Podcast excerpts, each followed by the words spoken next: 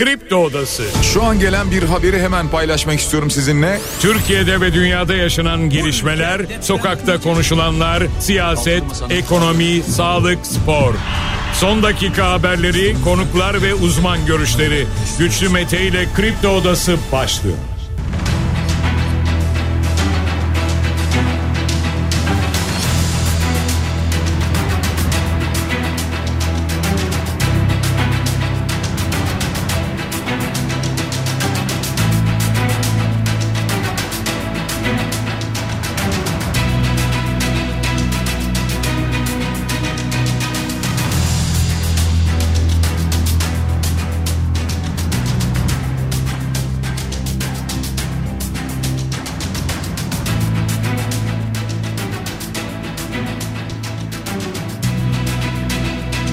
Dinleyicilerimize günaydın. Hepinize sağlıklı ve güzel bir gün dileyerek her sabah olduğu gibi programımıza başlıyoruz. Bugün de Kripto Odası'nda saat 10'a dek sizlerle birlikte olacağız. Gündemdeki başlıkları değerlendireceğiz. Sizler de görüşlerinizle fikirlerinizle programa katılmak isterseniz Twitter üzerinden güçlü mete yazarak bana ulaşabilirsiniz. WhatsApp hattımızın numarası 0532 172 52 32. Cumhurbaşkanı Erdoğan 3 gün içinde 59 teröristi gömdük diye bir açıklama yaptı. Özgür Özel asgari ücret 3 ayda bir güncellenmeli diyor ve bunun yetersiz olduğunu söylüyor şu an ilan edilen asgari ücretin. Can Atalay kararını uygulamayan 13. Ağır Ceza Mahkemesi hakkında suç duyurusunda bulunuldu. Bunların detaylarına önümüzdeki dakikalarda yer vereceğiz. Çalışan emekliye 5 bin lira ikramiye sonunda nihayet bugün yatıyor. Şimdi gözler memur ve emekli zammında bakalım ne oranda bir zam gelecek. Çeşitli iddialar var, hesaplamalar var. Bunlara da bakacağız. Kimlik, ehliyet, pasaport gibi değerli kağıtlara zam geliyor. O nedenle vatandaşlar yeni yıl başlamadan önce kuyruk oluşturmaya başladılar. Fuat Oktay'dan bir açıklama var. Falyalı iddiaları vardı hakkında Fuat Oktay'ın. Onlara ilişkin açıklamalar benim alnım açıktır yönündeki açıklama oldu. Birazdan detaylarına bakarız. Oktay Saral, Cumhurbaşkanı Baş Danışmanı Oktay Saral. Ekrem İmamoğlu'na yönelik Twitter'da şöyle ifadeler kullandı.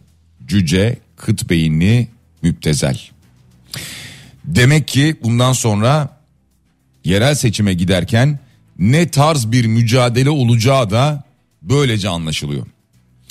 AKP ile MHP'nin ittifak yapacağı il sayısının 29'a yükseldiği belirtildi. Tabi bir yandan ittifaklar, işbirlikleri konuşuluyor yerel seçime giderken. Biliyorsunuz dün sabah Sakarya, e, Sakarya'da meydana gelen bir trafik kazası vardı ki orada 10 kişi hayatını kaybetti. 61 yaralı haberi geldi. Alışveriş merkezinden gelen İstanbul'dan bir alışveriş merkezinden gelen intihar görüntüsü. Ve o intihardan önce açım, çocuklarım aç, borcum var sözleri çokça konuşuluyor şu anda sosyal medyada. Önümüzdeki dakikalarda biz de yer vereceğiz. 445 emniyet mensubu açığa alındı. Neden FETÖ ile irtibat ve iltisaklı oldukları iddiasıyla açığa alındılar. Mehmet Özsaseki'den bir açıklama var. Süre dolmuş görünüyor. Marmara'da 7.3 büyüklüğünde bir deprem bekleniyor diyor yaptığı açıklamada. Ve Malatya'da dün 4.6 büyüklüğünde bir deprem meydana geldi. Geçmiş olsun. Türk Tabipler Birliği'nden bir salgın uyarısı var ve bakanlığa da maske ile ilgili tedbir çağrısı var Türk Tabipler Birliği'nin. Üçüncü eşini de öldürdüğü belirtilen sanık. Ben kadın düşmanı mıyım diye bir savunma yapmış.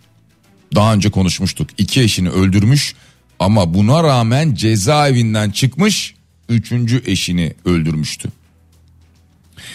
Bu akşam Galatasaray Fenerbahçe karşılaşması var. Bu mücadele saat 20.45'te başlayacak. Biliyorsunuz Suudi Arabistan'da Riyad'da oynanacak. Aynı zamanda ünlüler de götürülüyor bu karşılaşmaya biraz daha anladığım kadarıyla etkisi daha fazla yüksek olsun diye hem spor alanından hem medyadan çeşitli ünlüler aynı zamanda Riyad'a gidiyorlar. Başlıklarımız kısaca böyle. Hemen bir de finans tablomuza bakalım. Şu anda dolar 29 lira 50 kuruş. Euro 32 lira 69 kuruş. Gram altın 1964 lira. Çeyrek altın 3265 lira olarak görünüyor. Serbest piyasaya baktığımızda daha doğrusu bankaya baktığımızda dolar 30 lira 3 kuruş. Euro 33 lira 25 kuruş. Altının gramı 1996 lira neredeyse 2000 lira şu anda altının gramı bankada. Dolayısıyla serbest piyasada çeyrek altın da 3300 liradan aşağıda değildir. Hatta daha bile yukarıdadır hele ki kredi kartıyla alırsanız. Gündemdeki başlıklarımız böyle. Bunları detaylandıracağız biraz sonra. Buna geçmeden önce malum yeni yıl geliyor sevgili dinleyiciler. Ee, yeni yıla yeni umutlarla girmek istiyor herkes. Her sene başında veya her sene sonunda bunu düşünüyoruz. Sonra o umutlar birdenbire sönüyor. Yani keşke yeşertse arsa, e, keşke tüm dünyada böyle olsa, ülkemizde de böyle olsa, bizim için de böyle olsa ama genelde bugüne kadar böyle olmadığını gördük ama yine de yeni yıla girmek yeni bir umuttur diyebiliriz. Biz de radyomuzda e, son 3 gündür biliyorsunuz neredeyse bütün programlarımızda hediyeler verdik. Kripto odasında da yeni yıla özel hediyelerimiz olacak ki bunu nasıl yapacağız? Şimdi ben hediyelerimizle öncelikle bunu söyleyeceğim. Ardından da buna ilişkin bir yarışma gerçekleştireceğiz.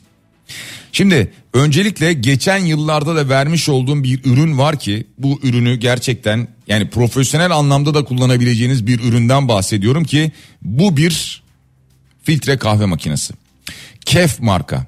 Yani gerçekten profesyonel anlamda kullanabileceğiniz bir makineden bahsediyorum. Birbirinden bağımsız kullanabileceğiniz iki ayrı ısıtıcısı var çünkü. Aynı anda iki ayrı ısıtıcıyı kullanabiliyorsunuz.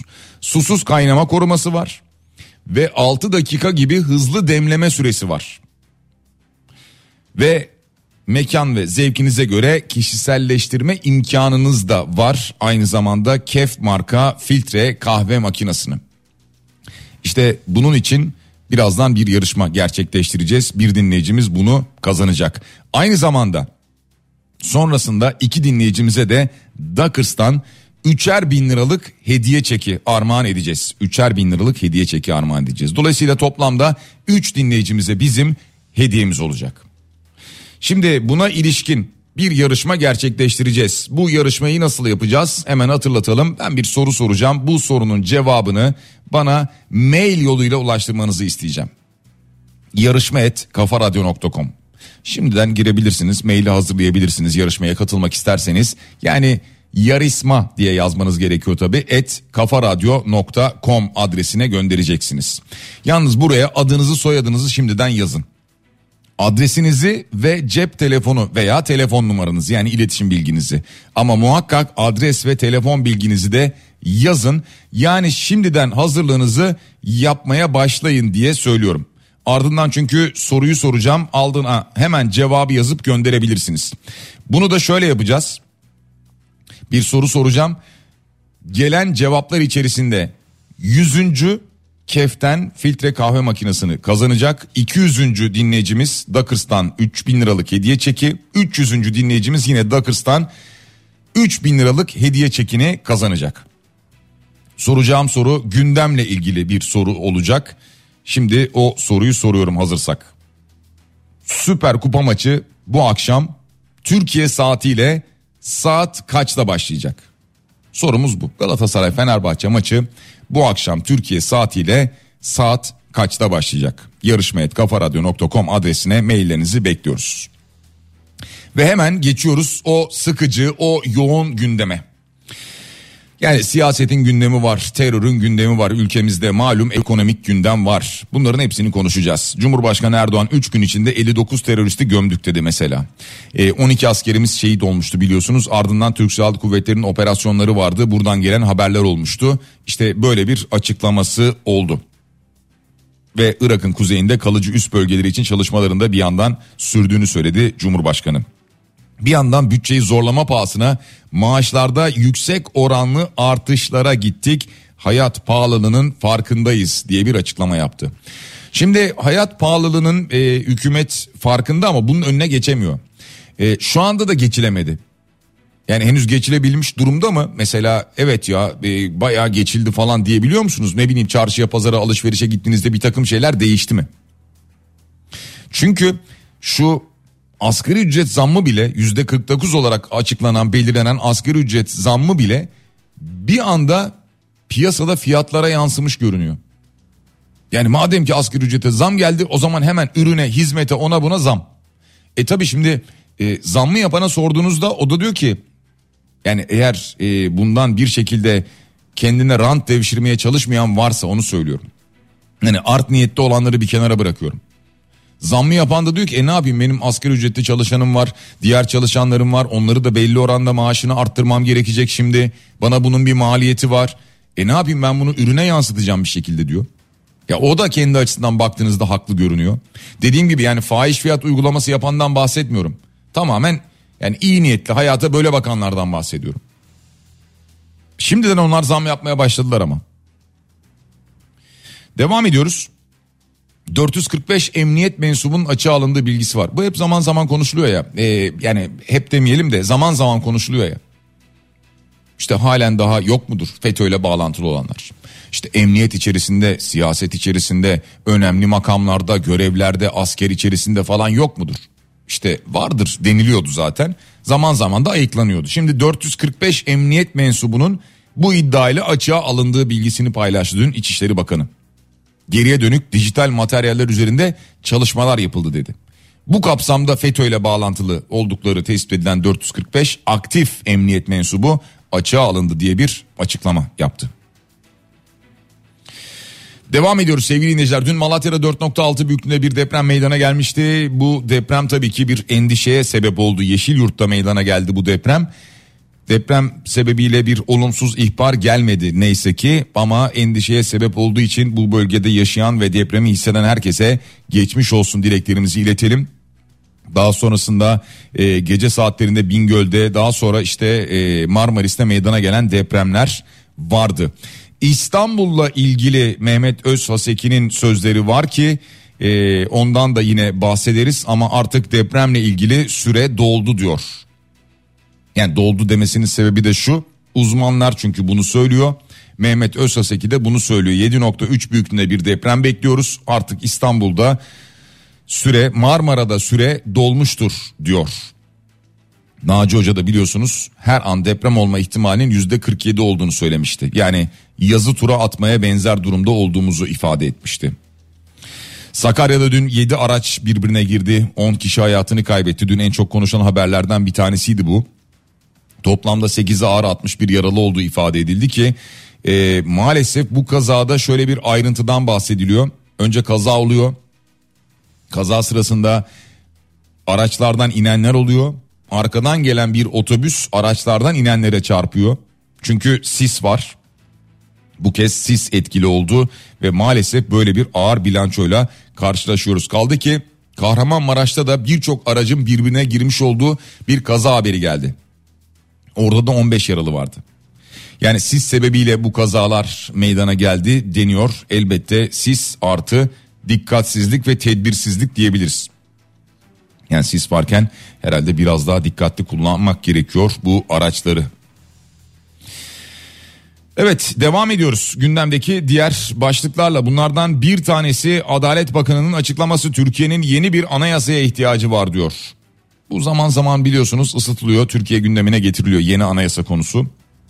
Herhangi bir olaydan sonra yaşananlardan sonra yeni bir anayasa ihtiyacı konusu. E, fakat e, hep rafta şu anda bilmiyoruz yeni dönemde ne olur yani e, meclis açıldıktan sonra ne olur e, bunları takip ederiz mümkün olduğunca bu bilgileri paylaşırız ama yani yeni anayasa derken daha şu anki anayasayla bir şey yapamıyoruz ki.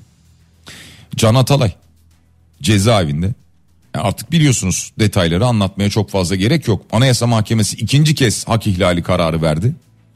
E, Anayasa Mahkemesi'nin kararı yine şu anda daha mahkeme tarafından uygulanmadı. 13. Ağır Ceza Mahkemesi tarafından uygulanmadı. Yani e, toplandılar bir araya geldiler. İşte tahliye kararı çıktı mı çıkıyor mu çıkacak mı diye beklentiler var. Nöbet tutanlar var, bekleyenler var, protesto edenler var. Ancak bir sonuç çıkmadı. E, hatta ve hatta İstanbul Barosu'ndan 13. Ağır Ceza Mahkemesi hakkında suç duyurusunda bulunuldu. Yani başkan ve üyeleri hakkında suç duyurusunda bulundular. Yani hak ihlali kararına rağmen serbest bırakılmıyor. Anayasa Mahkemesi kararı derhal uygulanmalıdır deniyor. Baromuz üyesi avukat Can Atalay derhal serbest bırakılmalıdır diyor İstanbul Barosu. Ama işte bırakılmıyor. Özgür Özel Can Atalay kararına tepkili düpedüz darbedir diyor. Yapılan iş düpedüz darbe girişimidir. Buna Türkiye'deki herkes direnmelidir ifadesini kullanıyor. Ekrem İmamoğlu Can Atalay'ın yeri Türkiye Büyük Millet Meclisi'dir dedi. Dün açıklamaları vardı biraz sonra e, buna da değiniriz. Ekrem İmamoğlu'nun açıklamalarına da değiniriz. Ahmet Şık Can Atalay ile ilgili olarak anayasayı ilga etme suçunu işleyen bu yargı tasarrufunun Sinan Ateş suikastiyle bir ilgisi var mıdır yok mudur diye sordu.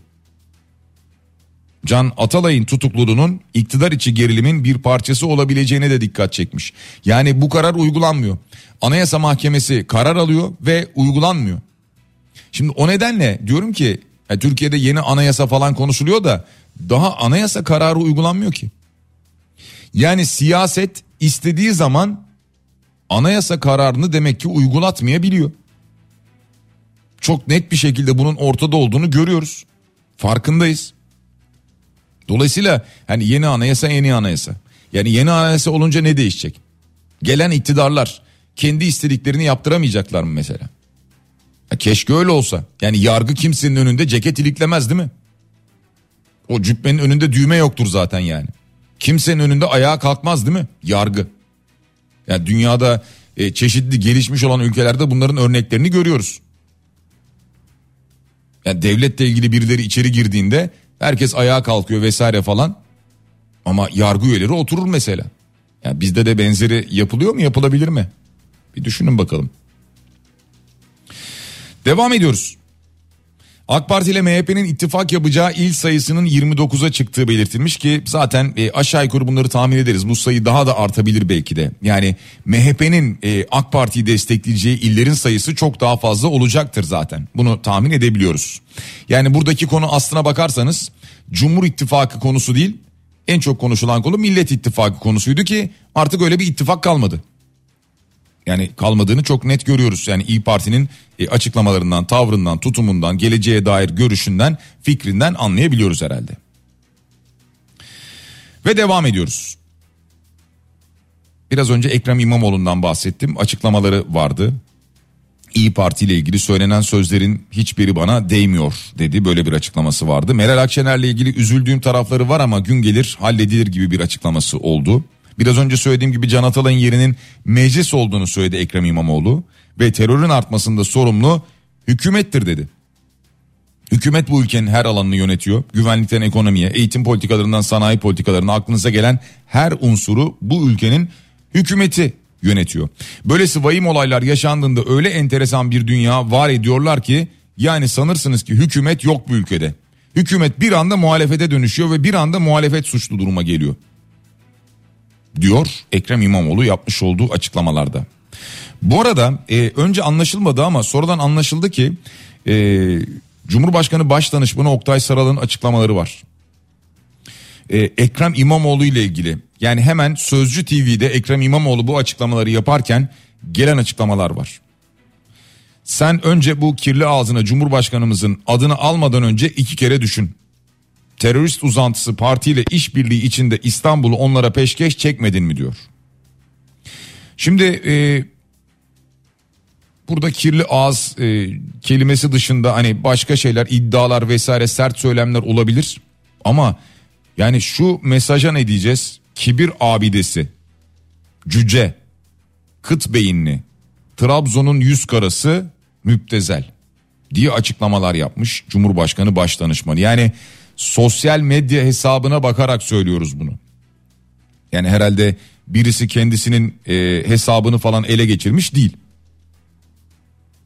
E, burada birçok açıklaması var çünkü sosyal medya hesabı üzerinde. Cumhurbaşkanı Başdanışmanının. Yani siyaset sonra diyoruz ki hangi seviyelere iniyor? Ee, evet olur ya muhalif partidir, iktidar partisidir birbirlerini suçlarlar. Ee, bir takım şeylerle ilgili iddiaları olur. Ee, sert söylemler olabilir ama hani bu kadar böyle e, işte biraz önce saydığım gibi yani bir daha artık saymak istemiyorum ama ya cüceye kadar giden yani demek ki bundan sonra böyle bir siyaset mi göreceğiz biz? yerel seçime doğru giderken buna benzer sözler mi duyacağız? Sonra diyoruz ya işte topluma bunların yansıması oluyor. insanlar agresifleşiyor, birbirlerine hakaret ediyorlar, kavgalar oluyor vesaire falan. Yani topluma bu yansıyor veya toplumda bir şekilde siyasete üst kademelere işte böyle yansıyor.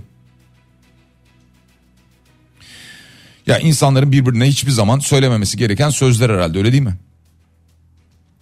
Devam ediyoruz sevgili dinleyiciler. Gündem yoğun olduğu için hızlı hızlı bütün haberleri paylaşmaya çalışıyoruz bir program içerisinde.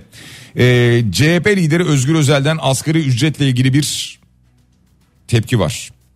Zammın yetersiz olduğunu söylüyor. Yani bu zammın yetersiz olduğu söylenebilir. Yani bunu e, 20 binde yapsalardı muhtemelen e, yani yine muhalefet yetersiz olduğunu söyleyecekti. Kaldı ki yetersizdir de yani. Özellikle büyük şehirde yaşayan için. Yani 20 binde olsa yetersizdir. Evet doğru. Ee, şimdi 3 ayda bir güncellenmeli diyor Özgür Özel. Buna ilişkin böyle bir fikrini ortaya atıyor. 3 ee, ayda bir güncellenmeyecek muhtemelen de şu olabilir. Yani bu 17 bin 2 lira da eleştiriliyor çünkü. Şu olabilir. Belki e, bir miktar daha ilave edilebilir buna ve yeni asker ücret şudur denebilir. Ya da en çok hakim olan görüş şu. Yılda bir kez asgari ücret düzenlemesi yapılacak deniyordu muhtemelen ikinci kez de yapılır deniyor. Şimdi neden ikinci kez yapılabilir onu söyleyelim. Merkez Bankası zaten diyor ki enflasyon asgari ücret etkisiyle Ocak'ta yükselecek diyor. Yani enflasyon yükselecek, hayat pahalılığı artacak Ocak ayında bunu tahmin ediyoruz. Da daha sonra düşecek mi? Hani bir düşüş eğilimi vesaire falan dendi ya. Yo çünkü neden yo? Zaten Merkez Bankası da siyaset de Cumhurbaşkanı da dediler ki Mayıs ayında baz etkisiyle enflasyon zirve yapacak. Sonra düşmeye başlayacak. Yani dolayısıyla biz Ocak ayında şimdi Merkez Bankası diyor ki yükselecek enflasyon. Dolayısıyla biz o düşen enflasyonu Ocak'ta göremeyeceğiz. Mayıs'ta zirve yapacağını biliyoruz. E dolayısıyla Mayıs'ta da zirve yapacaksa herhalde Haziran ayında yapılacak toplantılarda yeniden bir asgari ücret zammı gündeme gelecektir diye tahmin ediyoruz. Dolayısıyla ikinci bir zam olur mu? Olabilir diye düşünülüyor şu anda e, ekonomi çevrelerinde. E, tabii bu bir yandan işsizlik maaşı ve kıdem tazminatı da değişiyor. Yeni asgari ücretle birlikte orada da bir artış gerçekleşiyor. Onu da hatırlatalım. Bu asgari ücrette 17 bin 2 lira olduğu için asgari ücret hatta 17 bin 2 lira 13 kuruş. E, bu 2 lira çok konuşuldu. Brüt olarak da baktığımızda zaten 20 bin lira iki buçuk kuruş var. Orada da yani yine bir böyle bir iki buçuk kuruş var. Ya bunun sebebi yani bir yuvarlak hesap yapılabilmesi adına. Ya çünkü brüt 20 bin lira olsaydı asgari ücret o zaman günlük olarak bakıldığında 666,666 diye giden bir sayı olacakmış. O nedenle böyle işte 20 bin 2 lira 50 kuruş yapıldığı zaman da 30 güne bölündüğünde 666 lira 75 kuruş gibi net bir rakam ortaya çıkıyormuş. O nedenle bu hesaplama böyle yapılmış. Yani bu olabilir yani tahmin ediyorduk zaten bunu. Çalışan emekliye 5 bin lira ikramiye. Nihayet bugün yatıyor. Ee, haydi hayırlı uğurlu olsun. Yani 5 bin lira büyük bir para değil tabii ki ama e, yeni yıla girerken e, 5 bin lira ikramiye bugün itibariyle yatacak. Bunu Çalışma ve Sosyal Güvenlik Bakanı Vedat Işıkhan duyurdu. Düzenlemeden 4.7 milyon kişi yararlanacak. Yani yaklaşık 5 milyon kişi yararlanacak bu düzenlemeden. O 5 milyon kişi çevresi yakınları falan derken bu haberi bekleyenlerin sayısı 10-15 milyon kişi vardır öyle söyleyelim. Yani tabii kendi hesabına yatmayacak herkesin ama yakınlarıyla beraber diyorum çevresiyle beraber takip edenler vardır. Dolayısıyla bugün yatacağını söyledi bakan. Şimdi e, ikramiyeden bahsetmişken E, bizim de biliyorsunuz bir ikramiyemiz var. İkramiye demeyelim ama e, bizim de ödüllerimiz var Kafa Radyo'da ki biraz önce bahsetmiştim sizlere. İşte o kazanan dinleyicilerimiz belli oldu. Öncelikle şunu söyleyelim. Doğru cevap neydi? Saat 20.45'te oynanacak Galatasaray Fenerbahçe maçı bunu sormuştuk. Keften filtre kahve makinesi kazanan dinleyicimiz Deniz Yıldırım oldu Muğla'dan. Kendisi yaşıyor Muğla'da yaşıyor adresi öyle. Deniz Yıldırım'ı tebrik ediyoruz. Gerçekten e, dediğim gibi profesyonel anlamda çok değerli de bir e, kahve makinesi kazandınız. Güle güle kullanın. Dakırstan'da üçer bin liralık hediye çekimiz vardı. Murat Çiftçi kazandı birisini ki kendisinin adresi Kars. Kars'tan bir dinleyicimiz kazandı Murat Çiftçi'yi tebrik ediyoruz. Ve İstanbul'dan da Özkan Yılmaz kazandı. Üçer bin liralık Dakars çekini siz de güle güle harcayın kullanın. Arkadaşlarımız sizi arayacaklar Işıl sizi arayacak detaylı bilgileri sizinle paylaşacak. Evet bizden de böyle bir ikramiye devam ediyoruz. Memur ve memur emeklisine şimdi bir zam beklentisi var ki bu zam acaba ne kadar olacak bu merak ediliyor. Çünkü e, Kasım sonu itibariyle Aralık verilerine bakıldığında bir defa en az yüzde 26'yı geçen bir oran olacağı belli. Aralık ayı enflasyonu açıklanacak ki Ocak başında. O zaman daha da belirginleşecek. O zaman yüzde 35'i falan bulur deniyor rahatlıkla. Ama bu arada Cumhurbaşkanı yardımcısı Cevdet Yılmaz daha önce bir açıklama yapmıştı. Memur ve memur emeklisine yüzde 50 civarında bir artış öngörüyoruz demişti. Yani dolayısıyla e, yüzde 50 civarında bir artış olacağını da bir yandan anlamıştık. Devam ediyoruz. Programın başında söyledim değerli kağıtlara zam geldi sevgili dinleyiciler. Dolayısıyla şimdi herkes e, yeni yıl başlamadan dün mesela kuyruklar oluşturmuştu. Bugün de muhtemelen bu kuyruklar devam edecek. Noter kağıdı, kimlik belgesi, ehliyet, pasaport gibi değerli kağıtlara zam geldi. Kimlik kartları 130 lira, sürücü belgeleri 990 lira, pasaport defteri bedeli ise 790 lira oldu. Noter kağıtları 87 lira. Beyanname 87 lira. Protesto, vekaletname, resen senet 174 lira. İkamet izni 565 lira gibi devam eden fiyatlar var. Dolayısıyla e, bundan sonra e, notere gittiğinizde de noter fiyatlarının arttığını göreceksiniz. Yani tabii noterler kendi kafalarına göre arttırmıyorlar bunu. E, Hazine ve Maliye Bakanlığı tarafından geliyor e, bu artış bilginiz olsun. Ve devam edelim. Gündemdeki diğer başlıklarla. E, bunlardan bir tanesi Kıbrıs'ta bir haber yapıldı. Daha sonra sosyal medya üzerinde bu çokça konuşuldu. Çeşitli ses kayıtları yayınlandı. E, bu ses kayıtlarına baktığımızda ki ne kadar doğrudur değildir bilinmez tabii ki. Netice itibariyle bir takım iddialar vardı ki o iddialar şöyleydi. Biliyorsunuz e, Halil Falyalı e, Kıbrıs'ta bir e, cinayete kurban gitmişti. E, öyle hayatını kaybetmişti ki işte birçok farklı işin ardında arkasında olduğu söylenen bir isimdi. Şimdi onun Fuat Oktay'la bir bağlantısı oldu ki Cumhurbaşkanı yardımcısı olduğu dönemde dolayısıyla bir bağlantısı oldu ve hatta ve hatta 50 milyon dolarlık rüşvet iddiaları ortaya atıldı sosyal medya üzerinde ve Kıbrıs'ta da bu konu çok konuşuldu haberleştirildi.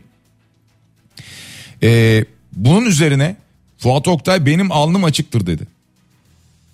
Ve bu ses kaydını yayınlayanın da FETÖ'cü olduğunu söyledi bu tip iddiaların da meclis kürsüsüne getirilmesinin yanlış olduğunu ifade etti. Ve hangi konu olursa olsun sonuna kadar açığım Hodri Meydan diye bir açıklama yaptı. Mal varlığımı merak ediyorsanız Türkiye Büyük Millet Meclisi'ne zaten sunulmuştur. Zaten orada açıktır, açıktır ve mevcuttur diyor Fuat Oktay yapmış olduğu açıklamada. E, bu arada Falyalı ile çalıştığı iddia edilen kişilerse çalıştıkları süreç içerisinde böyle bir olay yaşanmadığını da söylüyorlar. Onu da hatırlatalım. Ve devam edelim gündemdeki diğer başlıklarla. Ee, bunlardan bir tanesi diğer başlıklardan bir tanesi bakıyorum o kadar çok haber var ki yani önemli olanı vermeye çalışıyorum ee, ki programın ikinci bölümünde yine bunlara yer vereceğiz. Bir Sayıştay raporu var. Sayıştay'ın Ziraat Bankası ile ilgili raporuna göre bankadan çektiği 895 milyon dolar krediyi ödemeyen Demirören'in bankaya 25 milyon dolar da faiz borcu bulunuyormuş. Evet bunu da e, gerçek gündemden Sercan Güler haberleştirmiş. E, biliyorsunuz e, Demirören Holding Doğan grubuna bağlı olan medya gruplarını medya şirketlerini almıştı. İşte Hürriyet, CNN, Türk Kanal D gibi kurumlar vardı Doğan Medya grubunda. Bunları satın almak için Ziraat Bankası'ndan 895 milyon liralık bir kredi almıştı. Şimdi bu krediyi geri ödememesi Sayıştay raporlarına yansımış.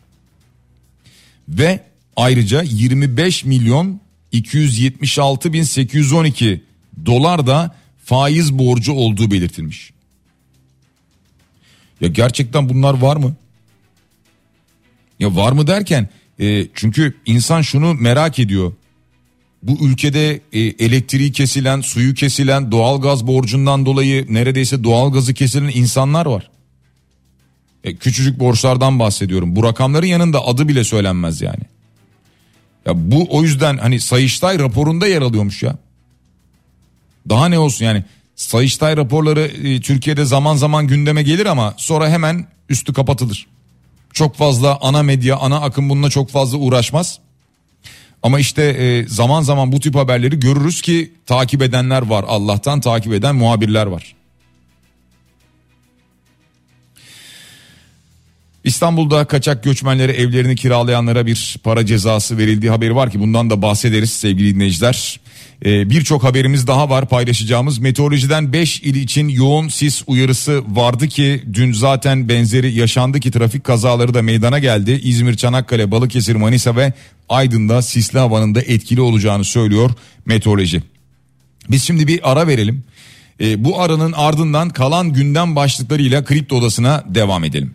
Kripto Odası devam ediyor sevgili dinleyiciler. Gündemdeki başlıkları değerlendirmeye devam ediyoruz. Radyo Televizyon Üst Kurulu'ndan gelen cezalar var. Mesela son günlerde çokça konuşulan Kızıl Goncalar dizisine %3 idari para cezası iki kez de program durdurma cezası verdi. Radyo Televizyon Üst Kurulu toplamda o e, 6 kanala ceza uygulamış oldu. Bu arada bir de Netflix'e ceza kesilmiş ki bazı sahneler nedeniyle idari para cezası ve katalogdan çıkarma cezası uygulamış. Şimdi e, çeşitli kanallara kesilen cezalar var. Yani bunlar konuşulur, tartışılır ayrı konu ama özellikle böyle platform cezaları biraz daha enteresan geliyor bana. Çünkü bu platformlara insanlar isteyerek, bilerek üye oluyorlar. E, çeşitli şifre yöntemleri var burada. Yani çocukların izleyememesi için çeşitli ebeveyn kontrolleri var bunun üzerinde. Bu biraz daha enteresan geliyor. Devam ediyoruz sevgili dinleyiciler. Üçüncü eşini de öldürmekle suçlanan bir zanlı var. Bir ara bunu konuşmuştuk programda bundan birkaç ay önce. Hatta şöyle konuşmuştuk. Yani iki kez daha önce eşlerini öldürmüş ama nasıl oluyor da cezaevinden çıkmış ve üçüncü eşini öldürmüş diye konuşuyorduk. İşte o yargılanıyor şu anda. Yargılanırken diyor ki ben bir kadın düşmanı mıyım? Neden öldüreyim diyor. Bugüne kadar iki eşini öldürmüş, üçüncü eşini öldürmekle suçlanıyor ve bu arada diyor ki ben öldürmedim. Böyle bir delil yok elinizde diyor. Diyorlar ki peki vücudunda cesedindeki morluklar neden oldu? Evde kayıp düştü diyor. Düşmüş diyor. Yanık neden oldu diyorlar. Banyoda düştüğü için sıcak su dökülmüş üzerine diyor. Peki boynu neden kırılmıştı diyorlar. Ben cansız bedenini bulunca onu kuyuya koymaya çalışırken düşürdüm. Boynu o sırada kırıldı diyor. Peki ne yaptınız diyorlar. Ben onu kuyuya gömdüm. Daha sonra da eve gidip yattım uyudum diyor.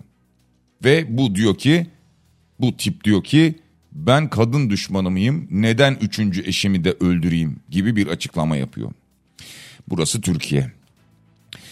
Türk Tabipler Birliği'nden bakanlığa maske çağrısı olduğunu söylemiştik programın başında sevgili dinleyiciler. Ciddi bir salgınla karşı karşıyayız diyor Türk Tabipler Birliği hatırlatalım. Yani siz önleminizi alabilirsiniz.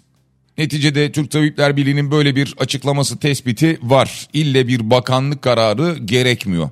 Bu nedenle sizin kendi tedbirinizi almanıza kimse bir şey demez. Kaldı ki insanları zaman zaman maskeli olarak görüyoruz. Çeşitli alanlarda, toplu bulunan alanlarda, otobüslerde, toplu ulaşımda, iş yerlerinde maske takanlar oluyor. Sebebi şu ya kendilerini korumaya çalışıyorlar ya da diyorlar ki ben kendimde bir rahatsızlık hissediyorum sağa sola bulaşmasın size bulaşmasın diye takıyorum diyorlar ki bu da çok mantıklı doğru bir tavır. Bunu isterseniz siz de uygulayabilirsiniz. Yani evet bakanlıktan bir karar bekleniyor muhtemelen ama ille bu kararı beklemeye gerek yok o anlamda söylüyorum. Avrupa Birliği'nden bir rapor yayınlandı. Türkiye'den ihraç edilen 27 gıdada insan sağlığı için oldukça zararlı olan klorpiriforis'e rastlandığı ifadesi verilmiş. Şimdi çocukların beyinlerinde kalıcı hasarlar bırakabilen bir madde olduğu söyleniyor. Bu maddenin ithalatı ve üretimi 2016'da Türkiye'de durdurulmuş. Ancak yine de buna rağmen 27 gıdada klor pirifose rastlandı deniyor bu açıklamaya göre. Yani burası Türkiye. Bu ne için kullanılıyor? Ee, yani tahmin edersiniz ki işte bu ürünlerin üzerindeki çeşitli maddeler varsa bunları atabilmek için böcektir vesaire falan filan bunları uzaklaştırabilmek için kullandığı söyleniyor. Zararlı maddeleri yok etmek için ama kendisi insan sağlığına zararlı.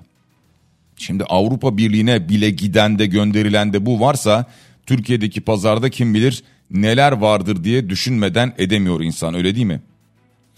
İstanbul'da kaçak göçmenlere evlerini kiralayanlara para cezası verildi sevgili dinleyiciler.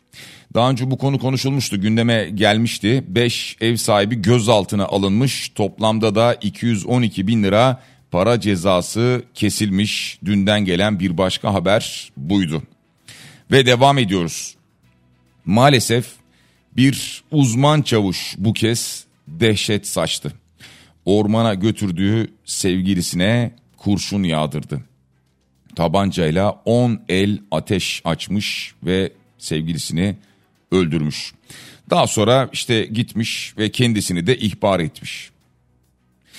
Yani e, bir uzman çavuştan geliyor bu haber. Bakın bir de e, bekçi haberi vardı. Bir bekçi de eşini öldürüyor ve ardından da intihar ediyor. Yani e, silahlara çok kolay ulaşabilen mesleklerden bahsediyoruz. Yani bu meslek sahiplerine de bu silahlar verilirken çeşitli kontrollerden geçirilmiyorlar mı diye düşünüyor insan. Düşünmeden edemiyor veya. Bir uzman çavuş sevgilisini katlediyor, bir bekçi eşini öldürüyor. Yani onlara silah temin ediliyor, veriliyor. Yani görevi gereği veriliyor. Ama verilirken ya bir takım testlerden, çok ciddi testlerden geçmiyorlar mı diye insan gerçekten merak ediyor. Devam ediyoruz sevgili dinleyiciler. Bir yandan İsrail, İsrail'den gelen haberler var. İsrail saldırılarında ölen Filistinli sayısının 21.320'ye yükseldiği bilgisi paylaşıldı. Ee, insanlar orada hayatlarını kaybetmeye devam ediyor, öldürülüyorlar. İsrail Batı Şeria'da döviz bürolarını bastı. 2 milyon 700 bin dolara el koydu denildi. Bir başka haber buydu. Bu arada Cumhurbaşkanı Erdoğan'ın biliyorsunuz e, Netanyahu'ya dönük mesajları vardı, yönelik mesajları vardı ki diyordu ki Hitler bunlar bize Hitler'i de aratacak. Netanyahu'nun yaptıklarının Hitler'den geri kalır yanı var mı? diyordu. Böyle bir açıklaması olmuştu. Ardından Netanyahu kanadından bir açıklama gelmişti. Kürtlere soykırım uygulayan ve muhalif gazetecileri hapse atma konusunda rekoru elinde tutan Erdoğan ahlak dersi verecek son kişidir diyordu. Netanyahu'dan gelen açıklama. Daha sonra Dışişleri Bakanı Eli Cohen'den bir açıklama geldi. Erdoğan Türkiye'nin Cumhurbaşkanı olarak görev aldığı sürece İsrail Büyükelçisi geri dönmeyecektir dedi. Yani e, tahmin ederiz tabii İsrail-Türkiye ilişkileri de şu anda çok gergin. Bir ara böyle bir yumuşama havası vardı. Yani Filistin saldırılarından önce bir yumuşama havası vardı hatırlarsanız. Karşılıklı mesajlar veriliyordu, ziyaretler vardı. Ama derken birden Filistin saldırılarıyla beraber her şey bir kenara kalktı. Birleşmiş Milletler Gazze'de 10 kişiden 4'ünün açlıkla karşı karşıya olduğunu söylüyor. Bu arada Maltepe'de bir kişi İstanbul'a dönüyoruz tekrar bir başka habere. Maltepe'de bir kişi maalesef AVM'de intihar ediyor. İzlediniz mi bilmiyorum. Yani izlemeyin de aslında ama e, yukarıdan bir yerden sarkıyor önce. Daha sonra iddia var açım çocuklarım aç 15 bin lira borcum var dediği iddia ediliyor. O sırada kendisini tutmak istiyorlar ve kendini boşluğa bırakıyor. Şimdi intihar etti haberleri var. E, ardından e, yaralı olarak hastaneye götürüldüğü haberleri var. Umarız e, hayatını kaybetmemiştir. Umarız yaralıdır. Umarız e, bir an evvel sağlığına kavuşur. Eğer bahsettiği gibi 15 bin lira bir borcu varsa elbet birileri tarafından ödenecektir. Bundan sonraki yaşamını inşallah daha kolay geçirebilmesi için de e, birileri girişimde bulunacaktır diye umut ediyoruz. Yani umut ediyoruz, umut etmeye devam ediyoruz birçok şeyle ilgili. Şimdi yeni yıl yaklaşıyor. Artık çok az bir süre kaldı önümüzde. Ee, şurada yani bir cumartesi pazarı geçireceğiz. Pazartesi günü yeni yıla girmiş olacağız. Ha hayatta her şey bir anda değişecek mi? Böyle bir sihirli değnek yok bir anda değişmiyor. Veya daha önceki senelerde birçok konuda umudumuz vardı. Hani yeni yıla girerken umutlarla giriliyordu. Daha o umutlar yeni yılın ilk gününde hemen birdenbire sönüyordu. Çünkü Türkiye birçok olayla bir yandan mücadele ediyor. Bunun ekonomisi var, enflasyonu var, e, terörü var, dünyada yaşanan birçok olay var. Dolayısıyla çok umutlu bir halimiz yok gibi. Ama hani umut edebilmek adına bir yeni yıl başlangıcı var önümüzde. Umarız, e, umarım sizin de umutlarınız gerçekleşir, gerçek olur. Yani yeni yıla girdiğimizde hemen pazartesi olmayacaktır muhakkak ama 2024'ünüz umarım iyi geçer, güzel geçer. En azından en azından artık şunu bekliyoruz değil mi? Sadece artık sağlık ister durumdayız. Yani insanlar bunu istiyor. Yani 2024'ü bari sağlıklı geçirelim. Çünkü dünyanın gidişatı iyi değil. Yaşanan olaylar işte paylaştığımız haberler. İçlerinde neredeyse iyi haber yok. Genel itibariyle hep kötü haberler, hep karamsar haberler. Bunlardan hep yıl boyu sıkıldık. Umarım e, iyi bir sene olur. Umarım e, kayıpların hayatımızdaki kayıpların az olduğu bir sene olur. Artık ümitler bu yönde. Pazartesi sabahı tabii sizlerle beraber olmayacağız ama şunu hatırlatalım. E, Pazar günü özel yayınlarla Kafa Radyo sizlerle beraber olacak. Saat 12'den itibaren başlayacak özel programlarımız ve saat 3'e kadar gece 3'e kadar sabaha karşı 3'e kadar devam edecek olan birçok özel programımız var. Yani normal bir pazar akışı olmayacak bir yılbaşı yayın akışımız olacak. Yılbaşında da sizlerle birlikte olacağız. Hatırlatalım sevgili dinleyiciler. Ve dolayısıyla şimdiden ben sizlere iyi seneler, mutlu seneler, sağlıklı seneler diliyorum. Cenkere Teknik Basar'a teşekkür ediyoruz. Biraz sonra Bediye Ceylan Güzelce Güzel Şeyler programında sizlerle birlikte olacak. Güzel haberleri de ondan alalım saat 12'ye dek. Evet yeniden buluşana dek hepinize sağlıklı ve mutlu bir hafta sonu diliyorum. Yeni yılda görüşmek üzere, hoşçakalın.